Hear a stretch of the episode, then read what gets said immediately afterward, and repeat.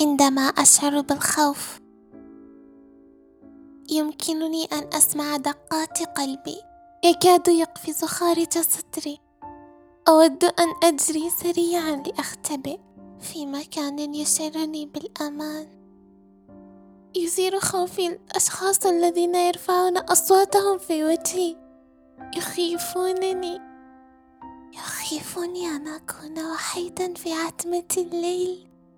لكن لا بأس أن نشعر بالخوف لأنه يساعدنا على الابتعاد عن الخطر ويجعلنا نصرخ.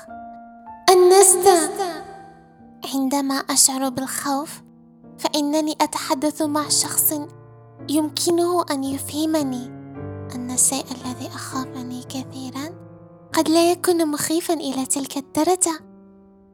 النهاية.